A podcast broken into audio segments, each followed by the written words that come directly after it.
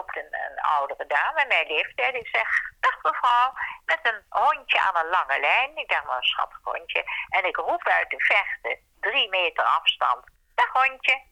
En dat hondje neemt een spurt, rent op me af, bijt in mijn broek. Gelukkig zat er geen gat in, maar bijt in mijn kuit. Hier is Hanengekraai door Luc Drosten met Elisabeth Bierens de Haan.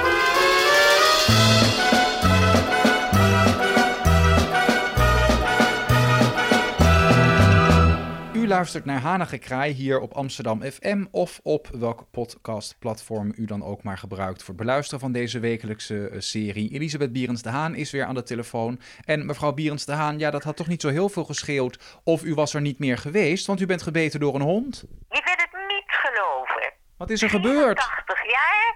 Ik ben dol op honden. Nooit iets met een hond gebeurd. En een paar weken geleden loop ik weer vrolijk op het Olympiaplein in Amsterdam. Er loopt een, een oudere dame, mijn leeftijd. Ik zeg, dag mevrouw, met een hondje aan een lange lijn. Ik denk wel een schattig hondje. En ik roep uit de vechten, drie meter afstand, dag hondje. En dat hondje neemt een spurt, rent op me af, bijt in mijn broek. Gelukkig zat er geen gat in, maar bijt in mijn kuit. Oh. Die mevrouw schrikt. Ik denk, ik moet onmiddellijk naar het café waar ik net een kop koffie heb gedronken. Dus ik ga op een holletje, hoe ver dat kan, op een 84 Ik ga naar binnen en ik roep, verband, verband, verband, ik ben gebeten. Nou, iedereen schrok zo'n rondje. Verbanddozen kwamen, het been inderdaad zo groot als een euro en had uit, uit mijn kuit oh. verbonden. U moet naar het ziekenhuis. Zei, nee, ik wil naar huis, ik wil naar huis. Nou, en flink in het verband.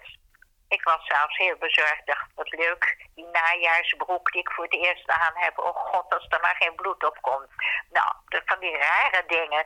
Terwijl het been, daar dacht ik later aan. Ik kom thuis. En ik heb het verzorgd. We zijn nu een maand verder, vier weken verder.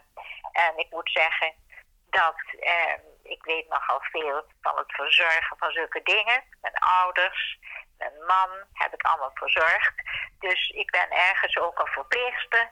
En ik moet zeggen, met Gods hulp, zeg ik dan, is het gelukkig, zou ik zeggen. Het is nog niet helemaal goed, maar het komt goed. Maar nou vertelde ik dit verhaal aan de cashier van het warenhuis. Uh, het was niet in Albert Heijn, het was bij Markt. En ik, toen zei ze, hoe is het met u? Ik zeg, nou, ik ben gebeten door een hond. Toen zei ze, dat kleine hondje. Ik zei, ja. Nou, die heeft mijn hond ook heel erg gebeten. Oh jee. En toen waren we beiden, zeiden we, hij moet een muilkorfje.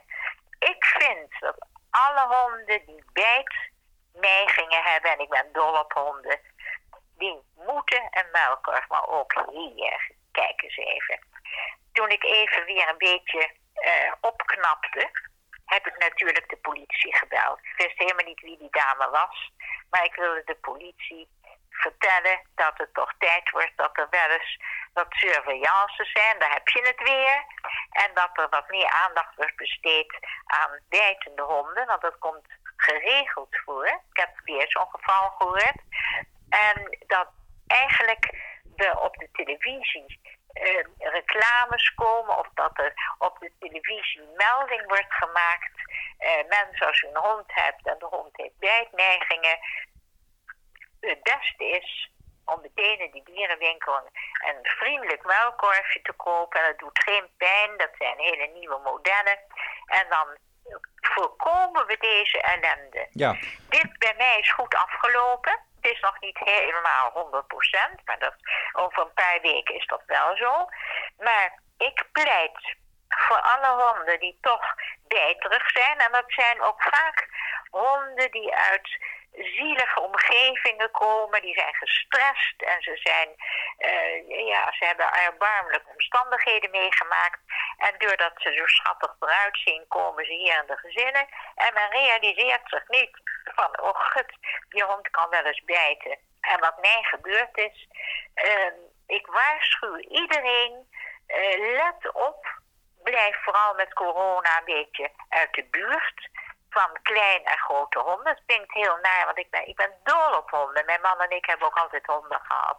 Maar na dit voorval, toen dat aardappelmesje in mijn kuit kwam, want het was een zijtand, dat kon ik nog net zien. Nou, dat is zo scherp als een aardappelmesje. Uh, op mijn leeftijd had dat heel anders nog kunnen verlopen. Ja. Dus mijn advies is, merkt u bij uw hond dat hij bijterig is, ga naar de dierenwinkel en vraag een klein, uh, makkelijk zittend muilkorfje en je voorkomt grote ellende. Ja. En dat is deze, deze podcast. Bezint eer gij begint. Nou, dat is uh, een goed advies. Heb ik wel nog een aanvullende opmerking hierbij. Dan ben ik ook wel benieuwd naar hoe dat dan precies zit. Je zou volgens mij ook muilkorven kunnen voorkomen als mensen hun honden gewoon strak aangelijnd houden. Was dat niet het geval nee, dat was niet het geval. En het was een oudere dame, zat hem niet op de rem, want het was een lange lijn, ik denk van ongeveer 4, 5 meter. Dus omdat ze niet, ze zat hem niet los, maar hij zat aan de lijn. Dus hij die lijn vierde. Dus hij die hond had alle mogelijkheid om zo op een paar meter afstand op, zo meteen een, een sprong te nemen. Nou ja, met, met alle gevolgen van dien. Ja. Dus je moet hem op de rem hebben. En je moet weten als mijn hondje, uh, uh, ja, als die bijtneigingen heeft, ik hou hem strak, dan kan ik hem terugtrekken. Maar merk je toch dat de hond bijtneigingen heeft, want dat merk je heus. Ik ben niet de enige, dat blijkt. Dat hondje van Markt is lelijk gebeten. Dus die eigenares weet, ik heb een hondje wat kan uitvallen. Dan moet je gewoon zeggen van, je hoeft niet in te slapen, want dat is ook weer heel zielig voor die dame, die is gehecht aan het beestje. Hij moet gewoon een muilkorfje aan. Ja, nou, dat is duidelijk. En je klaar? Ja, en hoe kijkt u aan tegen um, zones in de stad, want die bestaan, waar honden vrij mogen lopen? Dat hangt er ook weer helemaal vanaf. Het is op zijn Amerikaans, dat heb je ook in New York, zones. Maar je moet uh, zeker weten dat je hond niet gaat vechten met andere honden. Uh, er is natuurlijk toch agressie, ook tussen de honden. Het is heel gek in mijn jeugd was dat veel minder. Maar ja, dat is nou eenmaal zo. Het is zoals het is. Misschien met mensen ook je, zo. Je moet particulier weten, kan ik hem loslaten in die zone, ja of nee? Ja. En die zone is liefst een groenstrook waar het risico minder is dat zo'n hond, eh, als je een hond loslaat in een zone waar, waar fietsers zijn en auto's, dat is natuurlijk onzin. Ik liet mijn hond, de King Charles, Bonneke, die kon gewoon loslopen bij de voet. Dat was ongelooflijk, dat heb ik helemaal niet opgevoed. Ik voed nooit honden op, maar deze hond had de beschaving uit zichzelf.